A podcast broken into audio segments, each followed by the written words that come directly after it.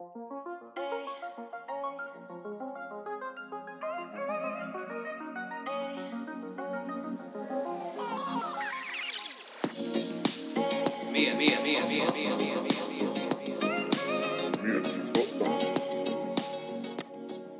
allihopa! Hej! Och God dag. välkomna till avsnitt två av Medförfattarna.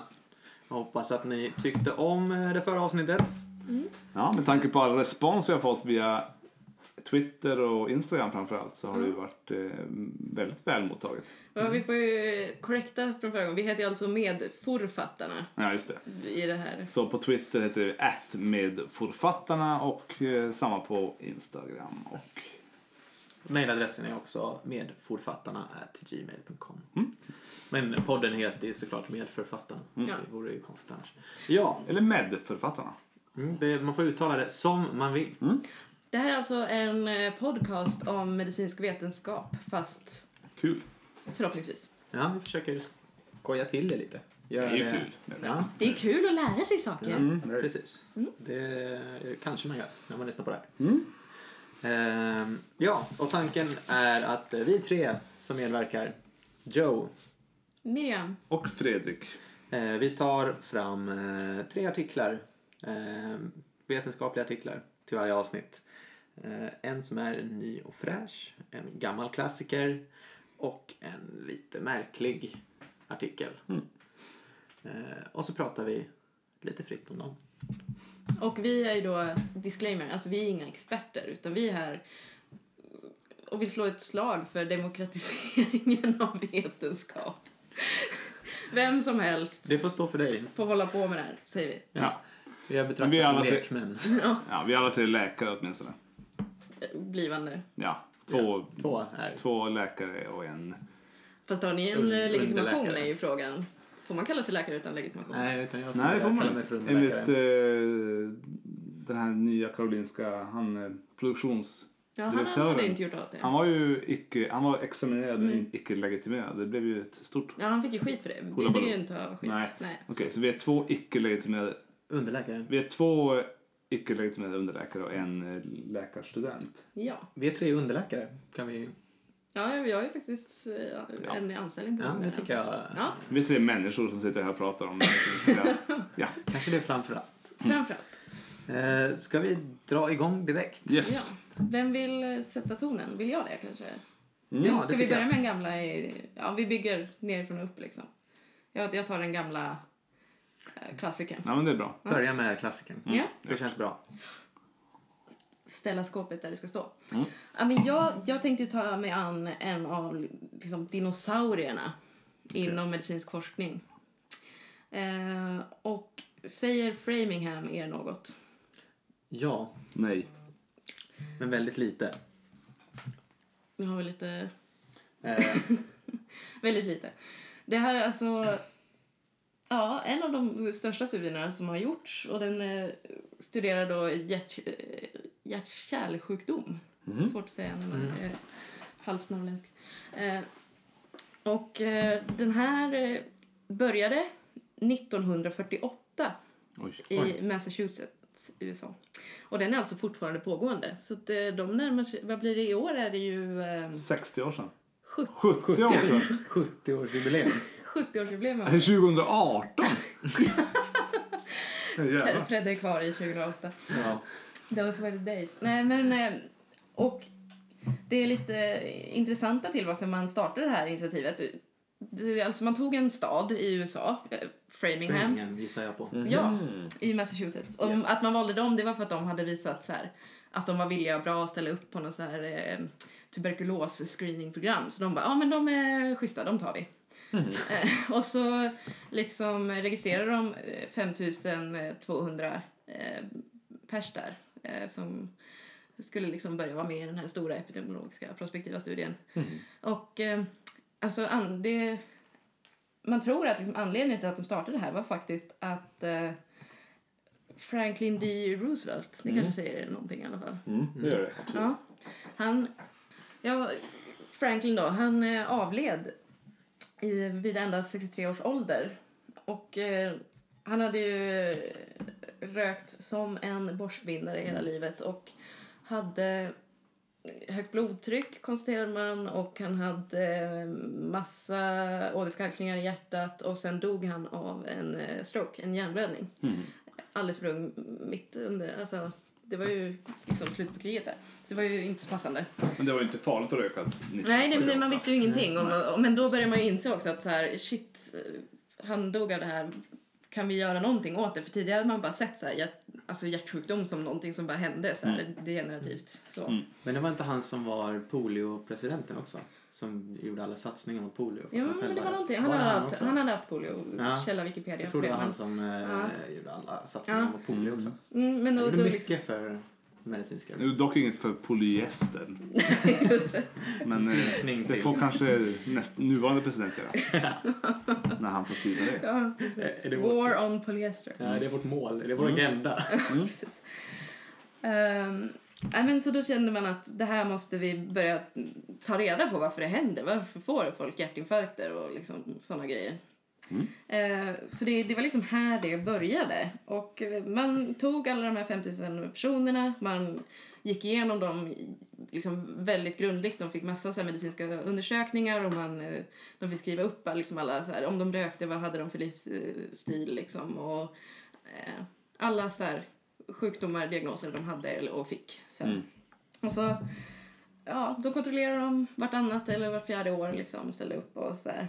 Och sen har det liksom bara fortsatt. Eh, hur länge som helst. Och man har liksom, man kunde, sen eh, hittade de att ja, vi måste ju börja följa upp deras barn också. Mm. Vi vill ju följa liksom det här genetiska också. Så då ju, tog de en ny population som var liksom offspring, deras barn. Mhm. Eh, och så tog de också deras eh, respektive som blev en spouse-population. Och sen har de, nu är de inne på generation 3, då, liksom barnbarnen till de eh, ursprungliga liksom, och följer. Och eh, sen så någon gång på 90-talet började de inse att oj, det här är ju bara liksom vita medelklasspersoner i den här stan. Så nu har de liksom gjort två till eh, sidopopulationer som heter Omni där de försöker liksom inkludera folk med lite så här mexikanskt, eh, afroamerikaner, I eh, samma- native americans. I samma område. I samma område, men de Okej. liksom försöker bredda så att de kan har se flyttat någonting. in, det har ja. flyttat in folk där. ja, precis. Det måste ju växa ganska... Hur stor är populationen nu? Vet man? Alltså, det, Stor. Den är s- stor. Jag menar, det måste ju vara några... De flesta, Antal de 10 000 flesta för, personer. 70, för 70 år sedan har måste ju vara döda. Ja, Men det är ju ändå liksom... Det måste ju vara ett, ett litet land de har en data på. Men vilket, eh, vad, vad, Framingham ligger i Det ligger i Massachusetts. Massachusetts. okej. Ja. Och Massachusetts ligger i nordöstra USA. Ja, Ja. precis. Där Mm, uppe. där New York är det. Mm, där, cool. Så mycket kan jag om geografin. Men... Ligger det på den här lilla, lilla kroken? Men jag tänker att det där ute där man, dit man, där man åker och bor i... Jag tänker mig, jag tänker mig John F Kennedy har något sommarhus i Massachusetts ute vid... Men Han är väl från Boston? Ja men ute i, vad heter de här? Ja, för Boston är stora stan där. Ja. Ja. Men ligger det liksom ute på den här lilla udden med alla små delstater där? Rhode Island och Maine och... Åh, herregud. Nej, jag tänker längre norrut. Ja. Vi får väl kanske kolla. Ja, Till ja. medicin. Ja. Nej, men så har de ju... Alltså det här är grejer som kanske verkar så här helt självklara för oss idag. Men liksom 1960 så började de hitta det här med att ah, de här som röker verkar ju ha lite mer hjärtsjukdomar ändå. Det, sen Lite. fanns det ju andra källor också. Den här British Doctor Studie. Ja, precis. Alltså, för det var några britter som kom på det. Det var Ja. väl lite tidigare. ja, precis. Men de började också tidigare. hitta det. Och Vad sen, kom på, vadå, att rökning är dåligt? ja, Ja. det var liksom inte känt innan. Och sen 61 så började de hitta det här med, ja, med kolesterol, eh, högt blodtryck och konstig ekogen verkar ju också ha det här kanske spelar roll. Mm. Eh, De började hitta det med fysisk aktivitet, övervikt och sen på 70-talet började de också se så här med högt blodtryck och stroke och Mm. förmaksflimmer och stroke eh, också. Så här. Och det är ju sånt som känns självklart men innan så hade man inte så mycket koll på det. Men någon måste ju... Någon måste ju göra de Det här intressanta är ju vad sitter man och poddar om då poddar man ju inte, då gör man kanske något helt annat. Ja, Om 50 år. Och s inte skrattar åt, men lite så. som jag inte vet. Nej men så, oh, det här är ju självklart att, som vi tror nu är, som inte vi vet nu. Nej, Mm. som är så här. Att, att man skulle få stroke av förmaksflimmer är ju så självklart. Ja, Det självklara valet Nu. det är ju mobiltelefonen. ja just det. Ja. Det är ju det självklara valet att Ja. om eh, 50 år så kommer Hur visste det de har kommit inte? fram till att Ja. alla som har mobiltelefoner i fickan hela tiden Mm. Bli av med ett ben. Eller, ja. Ja. Ja, men det är, Alltså, Ja, vi får se. Det blir spännande. Hur kunde de steka maten i olivolja? Det visar... Alltså, ja, i teflonpannor. ja, just det. Där har vi något. Hur kunde de ha polyesterkalsonger? Ja, precis. Ja, Maila är- gärna in era egna tips Skicka, skicka era egna polyesterkalsonger till Joe. så Ja. bränner vi dem. Okej. Ja, alltså det är... Den här är så massiv att det är liksom svårt att säga vad man ska sikta in sig på. Men det har liksom genererat över alltså, 1200 artiklar liksom, ifrån den här studien. Eh, och nu har man ju börjat inse, eftersom man har den här himla, alla tre generationer också, så har man ju börjat inse vilken så här, guldgruva det är genetiskt. Så dels för hjärt-kärlsjukdomar, men de har ju också börjat använda det för att titta på Alzheimer, titta på, alltså alla som har typ en medicinsk frågeställning vill ju ha lite av deras data. Precis, jag bara, tänkte att det nästan är lite 1200 artiklar. Alltså det finns Ja. ju data där för eh, Allt. 20 000. Mm. Känns det som. Om, man bara fått, om tillräckligt många får tillgång till den datan Mm, så är det absolut. Men jag tänker ändå att det är skillnad, för i USA så måste ju det här vara en ganska stor grej. Liksom. Mm. Men man tänker i Sverige, då kan vi ändå gå in så här och bara, ja men vilka med det här personnumret? Alltså, så Ja, vi har ju har mycket, vi har ju, det är väl Sverige känt för att vi Ja. har så väldigt bra register. Nationella Alltså, patientregistret, då ja. kan du se alla diagnoser alla har Tvilling, någonsin haft. tvillingregistret och alla.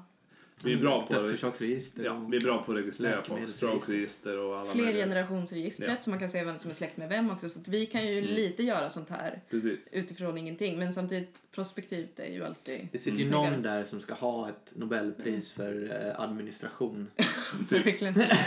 Någonstans i. Massachusetts. Men det här var det sjukaste också. Att de, det är typ så här, jag vet inte, hur många procent var det?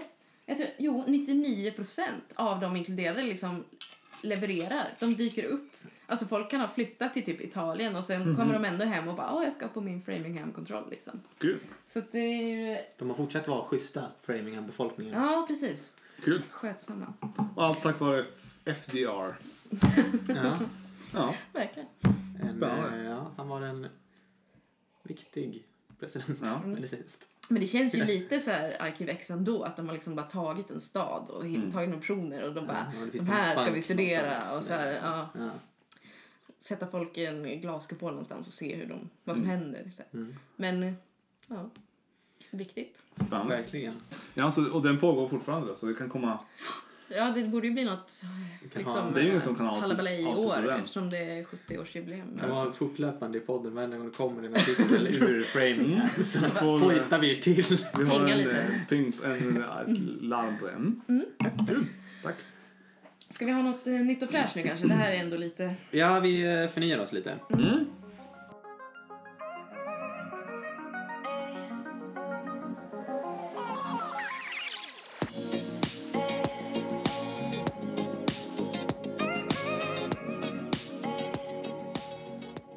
Eh, och då tänkte jag prata lite grann eh, om... Eh, Något Nej, du brinner för.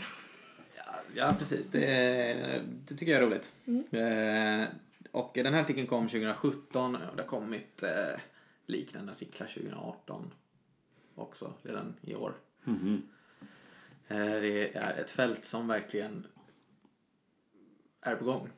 Okej. Det är on fire. Och det är trombektomi eh, vid akut eh, kemisk stroke.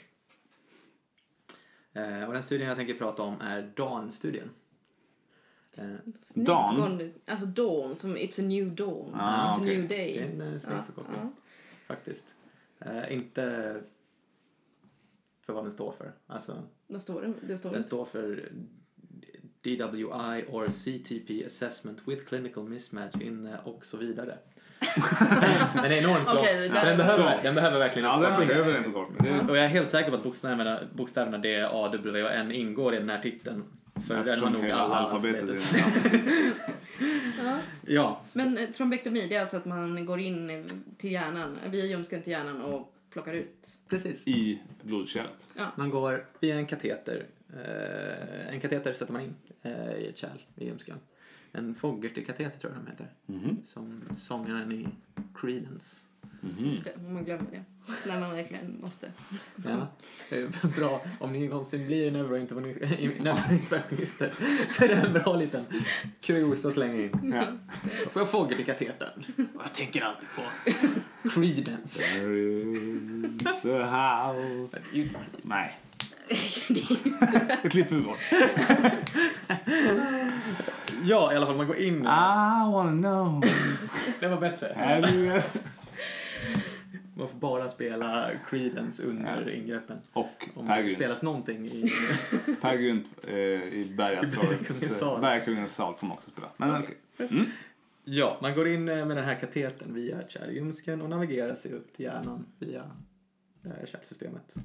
Och där har man en eh, stent retriever, är det man använder nu i alla fall. Man har, det har funnits flera olika tekniker, men det är som man nu kallas för en stent retriever. Och det är som en liten ledningspinne som skjuter ut ett nät. Det ser ut som kanske en DNA-dubbelhelix typ, eller en sån här, sån här choker-halsband. Ja, just det. De på Alltså- 90-talet. Ja, på 90-talet. de här- Fisknätena som Ja. gick om- runt i varandra. Så. Vet du vad Du hade inte det på dig då? Nej, jag var ju vuxen på 90-talet. Till skillnad från er. Jag hade ett sånt. Ja, men du vet vad jag menar. Ja. Eh, så här, lite Expandibelt. slingrigt liksom. Ja. Och det expanderar sig så trycker ihop. eh, Det trycker... ehm, Jag fattar ingenting. Ja, men det trycker ut kärl, kärlväggarna. Ja, trycker, och själva trommassan liksom. Aha. Trycker ut och så fastnar det i det här nätet och så drar man bara ihop, ihop allting. Man kör in någonting i tromba, i, I kärlet. Och så antar jag att man går lite förbi trommassan och sen så fäller man ut det här nätet som liksom trycker ihop trommassan och det liksom puttas in i nätet. Mhm. Och sen så sjunker nätet ihop lite grann och så drar man ut allting. Här, Ungefär så. Okej. Eh, hur bra beskrivning det nu blev. Ja. och trombektomi är ju coolt bara att det fanns från början. För tidigare har man bara kunnat försöka lösa upp de här propparna. Och Precis. Det är tidskänsligt och eländigt. 2015 kom det massa studier, fem stycken. Eh, också med massa studienamn. Eh, Mr Clean. Oj! Eller MR Clean. Det är, li- ja, Ja, men Mr Clean Ja. är ju Ja. bra. Eh, och Escape. Reduce? Nej, det var Nej, någon det var annan. PFO. Just det, Mm. Men, eh, Escape tror jag den heter också. Mhm. Om man vill läsa på. Ja, då kom det fem stycken som visade effekten i alla fall av trombektomi. Att det var en bra grej. Man går helt enkelt in, Det är som... lockar tag i, i proppen Och drar ut den. och suger ut den, drar ut den. Ja. Och det här har ju varit sen då 2015 ungefär eh, varit eh, en del av gängse behandling. Eh, för eh, det gäller då framförallt proppar som sitter i den främre cirkulationen hjärnan. eh, som har studerats. Och det man har haft tidigare, de riktlinjer man har haft, har ju haft eh, upp till ungefär sex, sex timmar. Så får man göra det här efter stroke. Att det är någon Ja. nytta. Så från det att man får symptom så har man sex timmar på sig att Att plocka ut proppen. den. Mm. Eh, precis. Och då har man ju det andra behandlingsalternativet då som är trombolys. Som är intravenöst, Alteplas, ett läkemedel eh, som ska bryta ner proppen. Caustic soda typ. Ja, rensa rören lite. ja, precis. Men det är också livsfarligt för, för att det kan ge att man, Ge blödningar. Ge att man blöder på något annat ställe och så Precis. dör man det eller man får... Mm. Mm. Och så har man bara fyra och en halv timme på sig med det. Mm. Det är många kontraindikationer också Ja. till den eh, terapin. Så det är bra att det finns ett alternativ på det sättet Mm. också. Och nu. Men nu, vad har hänt nu? Jo, i och med DAN-studien, här har man studerat då bland patienter eh, som är mellan 6 och 24 timmar efter symptomdebut av sin stroke. Det är sjukt mycket längre tid. Det är väldigt mycket längre, Mm. ända upp till ett dygn. Mm. Ehm, och eh, den patientgrupp som man framförallt har tittat på är de där det, det finns en mismatch mellan kliniken och eh, radiologin. Så alltså de patienter som har ehm, en för svår stroke jämfört med hur det ser ut på, på röntgen. Ja, okej. Så de, de Så man, släpar gör- man, gör, liksom man gör en ben. CT och så Ja. tittar man på infarktvolymen. Mm. Eh, innan dess har man ju gjort en, en skattningsskala. NEOSS är den som används oftast och som används i studien. Som är en skattningsskala av eh, Stroke-svårighet. ja, Så det svårighetsgrad av stroke. kliniskt, hur, hur, hur svag är du i Ja, precis. musklerna? Benet, armar, ansiktet, kan du prata? Sådana grejer. Så då tittar man på precis hur svår är din stroke. Mm. Och så får man ett antal poäng på NEOSS. Och så går de på CT och så tittar man på infarktvolymen. gjorde man i den här studien. Hur stor är infarkten? Hur stor del av hjärnan är, Ja, är precis. skadad? Man mäter den och så är den kanske 21 mm eller 30 mm. Mm.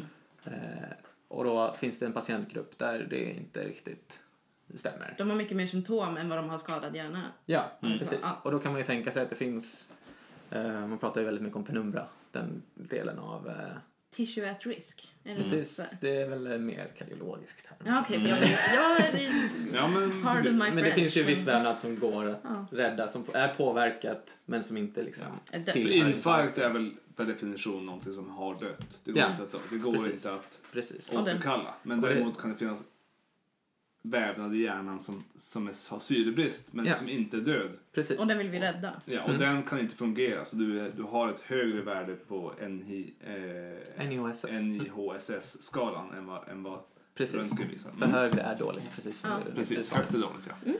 Mm. Ja, eh, och det är de patienterna man inkluderar. 206 patienter hann man inkludera Mm. eh, innan den avbröts faktiskt. Ehm, och ehm, de randomiserades eh, till antingen bästa medicinska behandling, alltså om de var lämpliga för att få, de var ju inte lämpliga för att få trombolys. Nej, det hade gått mer än sex timmar. Eller Ja, mer än fyra och en halv timme. Mm. Men om det liksom, Men liksom- om man ändå ville ge trombolys så Ja. fick man ge trombolys. Alltså, Mm, Okej. Bara så gör så bra Det är bästa medicinska Mm. behandling eller trombektomi. För så tror jag att det är även inom riktlinjerna som finns nu att Mm.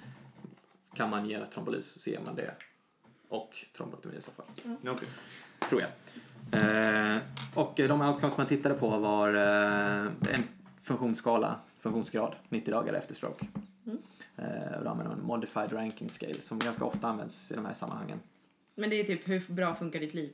Eh, Precis, och alltså, Okej, inte så här, har du Ja, jobb nej. eller men, men kan du gå på toa själv? Såna grejer. alltså, precis, ja. ja, precis, inte riktigt sådana aktiviteter. Nej, men det, jag tänker att det påverkar ja, det. Hur väl man klarar sig själv ungefär. Den går mellan 0 och 6 normalt. Och 6 är att man är död och det är så är det. det. Så det är ju det sämsta.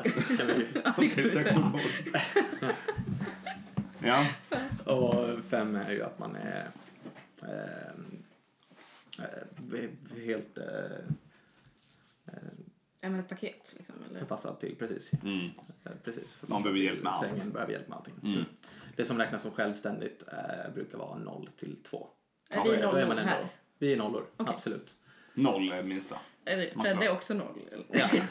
Mm. Mm. Ehm, och det var den funktionsskalan man, eh, man använde. Mm.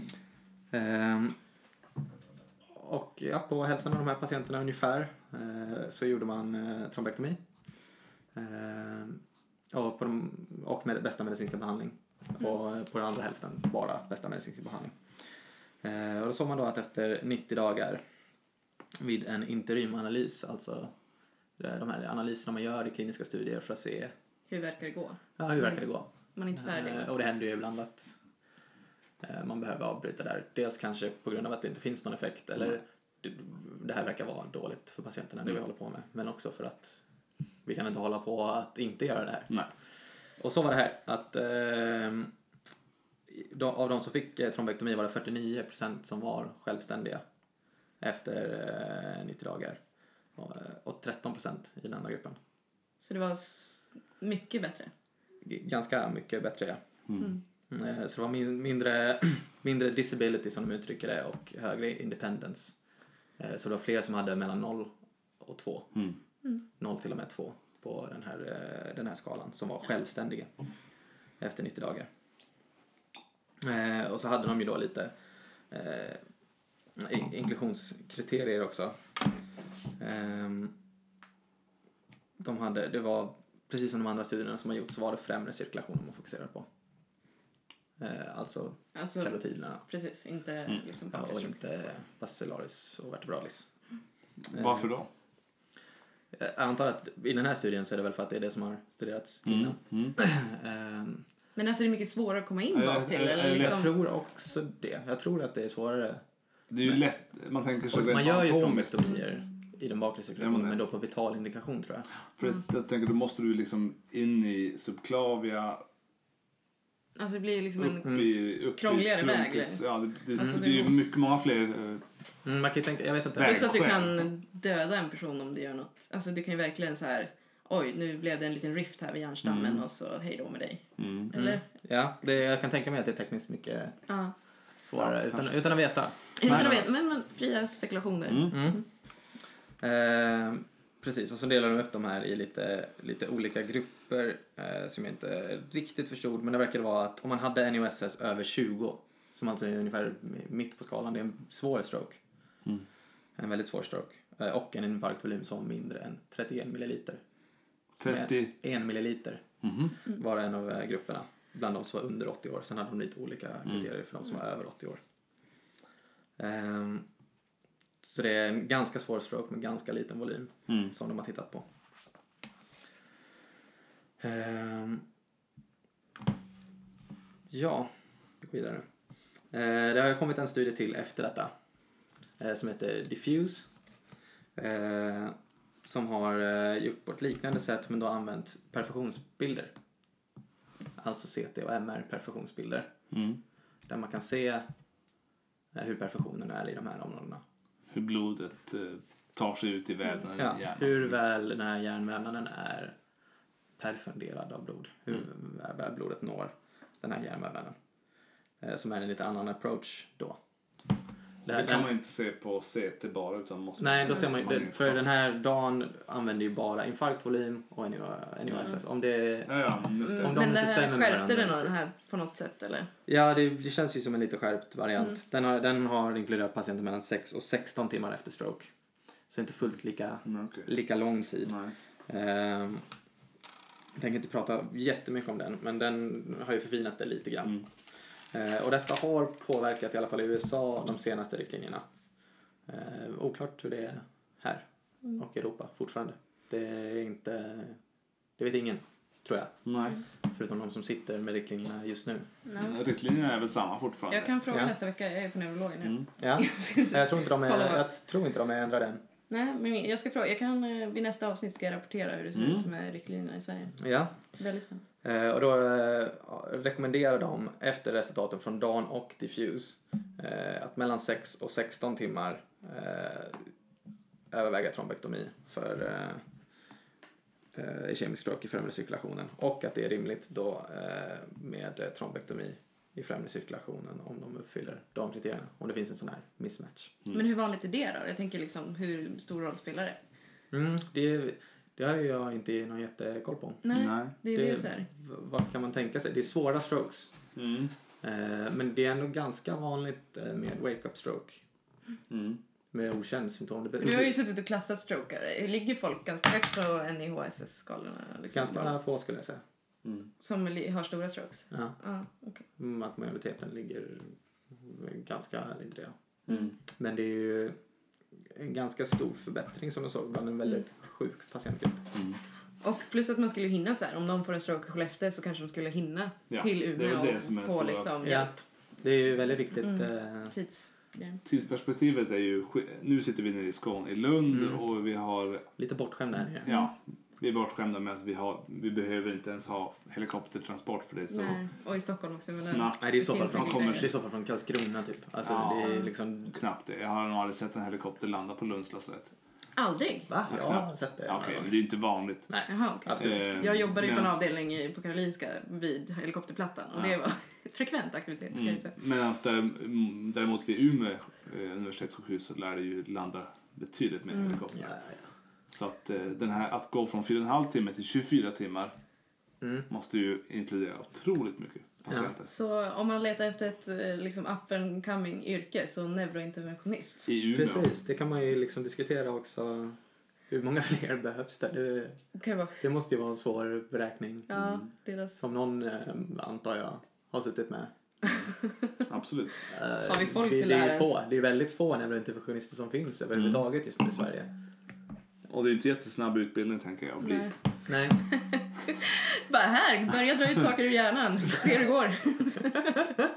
Lite eh, anatomikunskap och sen kör vi. Så du får eh, sub 8 här. Mm. Ta och titta på den i några timmar. Nej, men spännande. Men Ja. Väldigt spännande. Mm. Nytt och fräscht. Lite Mm. fräscht. Precis. Jaha, ska vi avsluta med något lite Ja, skojigt? det tycker jag.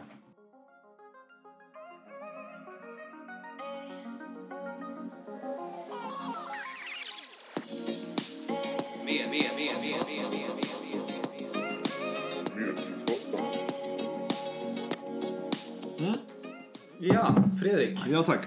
Varsågod. Ja.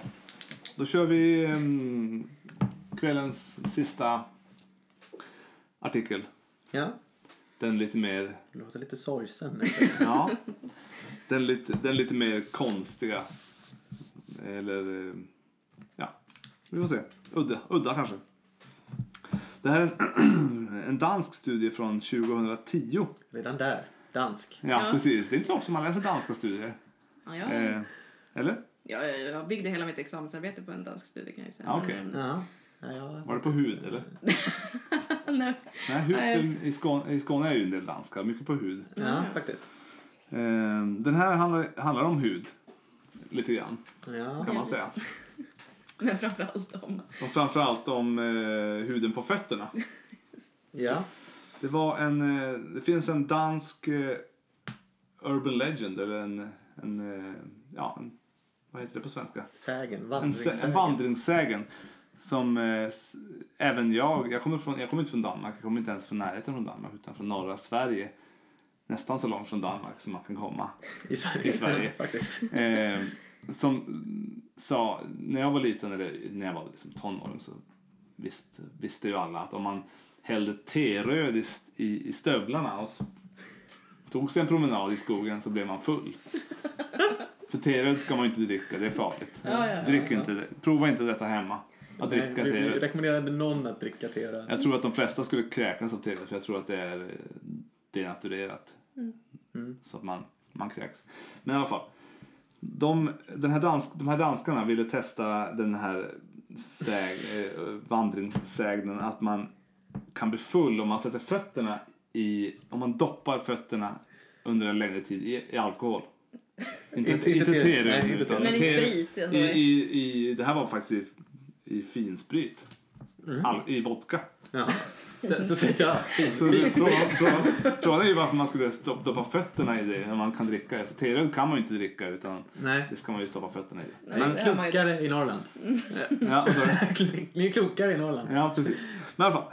Det, var, eh, det är en ganska liten studie får man säga. Det är ju ett eh, single center då. Eh, settingen är kontoret på ett danskt sjukhus. Och deltagarna är tre vuxna personer. Medianåldern är 32 år, mellan 31 och 35. Så jag antar att det var en som var 31, en 35 och en 32 då.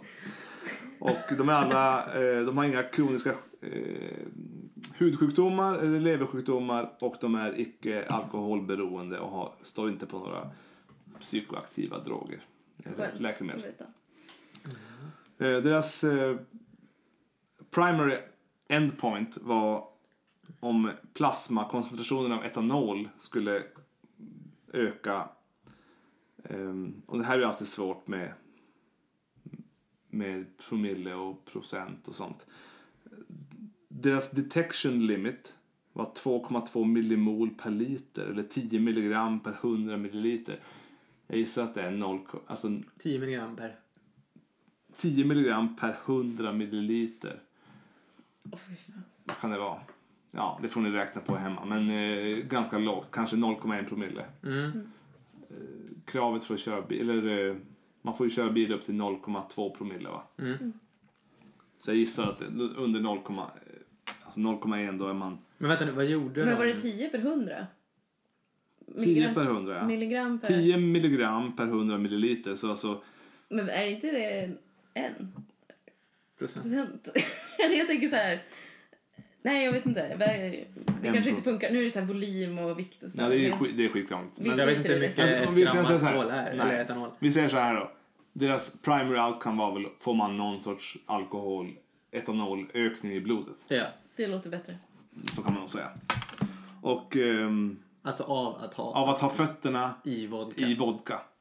Och de tog, eh, de satte fötterna i vodka och så tog de i, de tog tre 70 milliliters vodka, så 2,1 mil- 2,1 liter vodka Var? per, per person i en eh, washing bowl.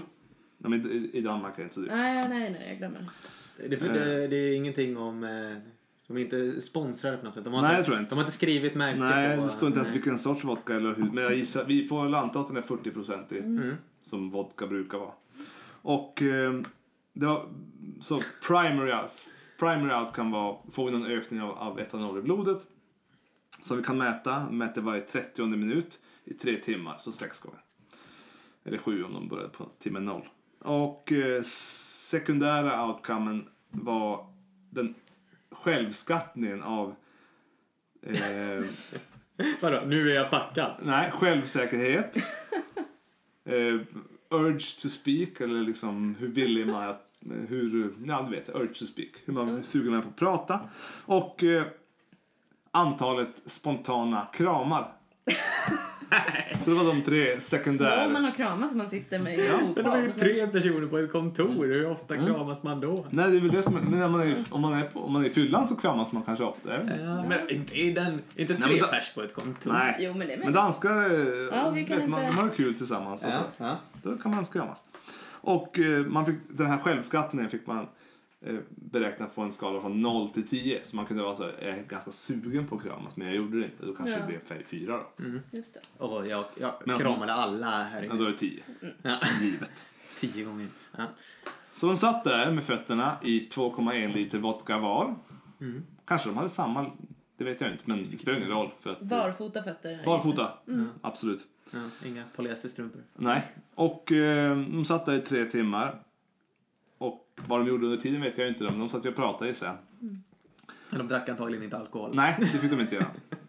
De fick nog inte äta eller dricka någonting. Och eh, det fanns ing... Resultatet var att det fanns ingen ökning av eh, plasmaetanol. Vad tråkigt. Ja, Det... så den, här, den myten, eh, den vandringssägnen är slår de Krossad. Ja, det kan man säga. Ja, det kutana upptaget av Ja, etanol verkar vara... Ifrån fötterna. Ja, just från fötterna. Man vet Ja. inte andra. Göra Eh, här Fredrik? Låter det som direkt. Jag kommer ju spontant att tänka på en annan vandringssägen när jag var liten, eller yngre då. Det var ju att man skulle doppa en tampong i, i alkohol Ja, ja, ja. och föra upp i ändtarmen att det skulle... Och det, det, Det tror, känns jag, ju- det tror jag mycket tror mer på. mer. Ja, det känns Ja. ett bättre... Alltså, då har du mer närkontakt med Ja, slemhinna och kärl. Liksom, tror jag är ganska dåligt dessutom. Jag, jag tänker att det är svårt också att få in en tampong. När du har doppat den så sväljer den ganska fort. Ja. Mm. Så då vet jag inte hur man ska lösa det. Men det, det är en annan Det studie. finns vägar. Ehm, däremot så såg man att självförtroendet och den här viljan att tala ökade på självskattningsskalan. Och det tror själv de här tre författarna. Det är tre, författ- det är tre deltagare som också är författare till studien. Antar jag. Det, tro, det tror de själva beror på hela setupen. Att det var liksom ett ganska livat. Det var rätt, det var rätt kul. Det, det här är ju ingenting man kanske... De har ju ändå fått det Men de publicerat. blev lite Ja. placebofulla här. Ja, Ja men eh, absolut. Ja. Så Eller man, så var de det, bara- vet, ju- det vet väl alla att bara att man vet att man ska, nu börjar vi dricka. Ja. Att man är på fest, man, bör, man börjar dricka. Innan man rimligtvis kan ha fått någon större effekt av alkoholen så blir man ju livad. Mm. Och de trodde... Det tror jag man ändå trodde de på hypotesen eller inte är ju också... Ja, jag tänker hela, de skriver probably due to the setup så blev Ja. de lite mer eh, sådär, benägna att, inte kramas, men benägna, benägna att prata och fick bättre självförtroende. Ja, de kände sig lite... Så eh, deras konklusion är helt enkelt att eh, fötterna är icke penetrerbara för alkohol. Den alkoholkomponenten som finns i vodka åtminstone. Mm. Och eh, de tycker där, därför då att den danska vandringssägnen eh, som säger att man kan sitta med, sitta med fötterna i vodka är därmed slagen hål på. Busted. Busted. En, eh, ja. Var, var publicerades den här? Eh, den publicerades i eh, Science faktiskt. Nej, Nature. Ehm, I... eh, ja, var ser man det någonstans? Högst upp tror jag du ska kunna se det. PubMed. Eh, British Medical Journal. Oj! Vart då? Där ja. British? Medical Journal Var inte- 2010. Det är ändå ganska stort. Var det kring jul eller är det en sån där julartikel? Vi ska se. Men jag blir ändå lite fundersam på det här med I 3D. endokrinologisektionen. Department of Cardiology and Endocrinology. Så det är tre ST-läkare bara som... Ja. Mm. December 14. Det 14 december, så det var Ja, nog innan jul. ja. Det känns ju Ja. som att om man är med i British Medical Journal med en sån här ganska, får vi säga, ganska skämtsam artikel. Ja. ganska tramsig så, så är det ju inte något... eh, Det är, det är ett julnummer, absolut. Så tipset till, till alla där hemma. Vill ni vara med i stora tidskrifter, skriv den runt jul. Ja, satsa på det. Satsa på det, för att det är nog enda, kanske den enda chansen för de Men har ni några fler vandringssägner Medicinska? som man skulle kunna slå hål på? Men jag, vet, jag upplever inte den här liksom helt ihjälslagen. Jag menar, de satt tre timmar. Säg att det sitter ett dygn då. Alltså liksom huden är ändå ganska tålig. Men sist känns det som att det borde börja så här. Mm. Blom, blom, blom. Alltså. Nej, vi kan Det- det var det, ljudet är- av det är alkohol väl inte det vandringssägnen gäller riktigt heller, att man skulle sitta till Nej, för att-. Nej, okej, nej. Du tänker Nej, jag tycker hela grejen är ju så. Har du vodka, har du 2,1 liter vodka, varför skulle du stoppa fötterna i det? Nej, T-röd var ju en bättre Ja, lösning där. T-röd, om du har något som du inte kan dricka, Men vi- ska vi göra den grejen? Ja. Ja. T-röd? Nej, inte te. Ja, vi- varför inte? Ja, det kan vi göra. Men vi ska, vi Tror ska du det är farligt? dricka det. Vi ska ju ha fötterna i det. Ja, det. Och det ska vara stövlar också. Treton. Vad Är det speci- Nej, specificerat nej, i det, det vet jag inte. det Nej, finns men, också flera andra stövelmärken.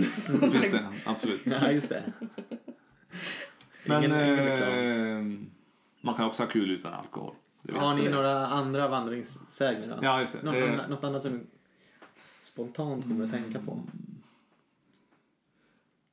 Dåligt med det. Mm. Kanske får ta upp det någon gång. Researcha om det finns fler Ja, om det finns någonting som vi medicin. i en poddinspelning kan Testa. testa. Du har ju inte Har, sett- är det någon som har en vandringssägen som man jag var- rimligtvis skulle kunna testa i Ja. en poddinspelning? Ja, behöver inte Det är inte vandringssägen det här. Men jag har ju... Jag undrar om det här med hjärnfrys eller brain freeze. Mm. Jag ska säga redan nu. Mm. Jag har eh, hittat en artikel på det här. Som kanske Okej, kommer i ett senare så... Jag får ofta... Jag är en, en eh, fast eater. Mm. Jag äter snabbt och, och jag äter... Och är det sötsaker kanske ännu snabbare. Så när jag äter, nästan alltid när jag äter glass eller liksom så här frysta smoothies och sånt så får jag väldigt mycket brain freeze eller hjärnfrys. Väldigt ont i pannan och länge tar det. Alltså det sitter kvar så här 30 sekunder kanske så att man Mm. det kommer och går liksom en stund.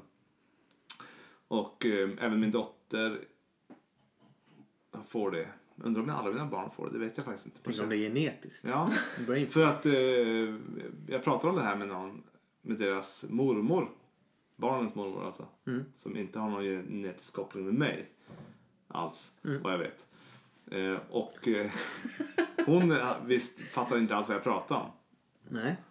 Och då känner man antingen så har hon ju inte ätit frysta saker tillräckligt fort eller så, har hon, eller så kan hon inte få brain freeze.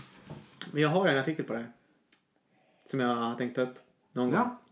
Så det här, det här kommer längre fram. Det är ingen, var- det är ingen urban legend eller sån vandringssägen. Men, men jag blev på? lite... Är det genetiskt? Ja, precis. För jag, innan jag började plugga till läkare så tänkte jag att det hade att göra med blod. Jag tänkte mig att, att, att blodet från Blev kylt. blev kylt. Ja. Från- Ja, men det, du har ju också tänkt att, det man går ju så här att mun- nära. Ja men så, att, munnens, att blodet skulle passera munnen och sen upp. När man, har läst, när man sen har läst anatomi och lite så, så tänker man att det var ju lite konstigt att tro, tro det. Men Men är det verkligen det? Det här parafyngala rummet, du har karates allting, det ligger ju precis bakom halsen. Så du, ja, du tänker att man... Ja, alltså, det karates kommer ju ligger lite ganska nära. att det ja, men det, är, ju- Ja. det är mer, jag tänker mer att det är gommen som blir Ja. kall. Att, det- ja, Men du har liksom... det känns ju mer som en, en neurogen smärta. Ja, kanske. Mm, absolut. Men jag har också tänkt att det... För när man sväljer någonting väldigt snabbt och kallt, då kan, man, ju- då kan jag känna personligen, jag ska inte säga man, utan jag, eh, kan känna liksom längs bröstkorgen, så här revbenen, att jag tycker Mm. att det blir kallt längt ut. Och då har jag också tänkt att det är så här blodet. Men Ja, det är ju vi får kanske svar. Mm. kolla den studien du har och prova att äta. Det ska ju vara ganska lättflytande Mm. saker. Det får inte vara liksom kall glass. Men som- får slamma ihop glass. Ja, man, Jag tycker när man äter typ så smoothies som är gjorda med isbitar. Mm. Så att det liksom blir mer som en slush eller något. Mm. Då, när man kan få i sig snabbt mycket. Ja, och så ska det vara lite varm innan, alltså det försvinner ju efter ett tag. Det ska liksom... Men det ska vi fixa någon gång. Mm. Och så testar vi det. Absolut. Och så får du säga vad vetenskapen Efter det. säger. Ja, precis. Mm. Eh, och så får ni gärna eh, mejla in om ni har några vandringssägner som vi dels kan se om det finns någon litteratur Mm. bakom eller som vi kanske kan försöka ha Testa. med i en poddinspelning. Och slå håll på. Ja. Gärna inget för farligt. Nej. Eh, Helst. Har ni något som ni inte vågar prova där hemma så mejla gärna in det till oss. Ja. ja, det var väl allt. jag tror det var allt för idag. Yes.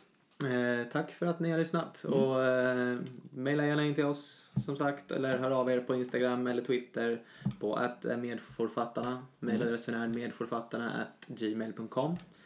Eh, och lämna gärna kommentarer i poddapparna och ge oss ett betyg som ni tycker är rättvisande. Fem. Är vi tillräckligt stora för att säga sånt här? Skål! Ja, Ja, vi låtsas. garanterat. Ja, hej då!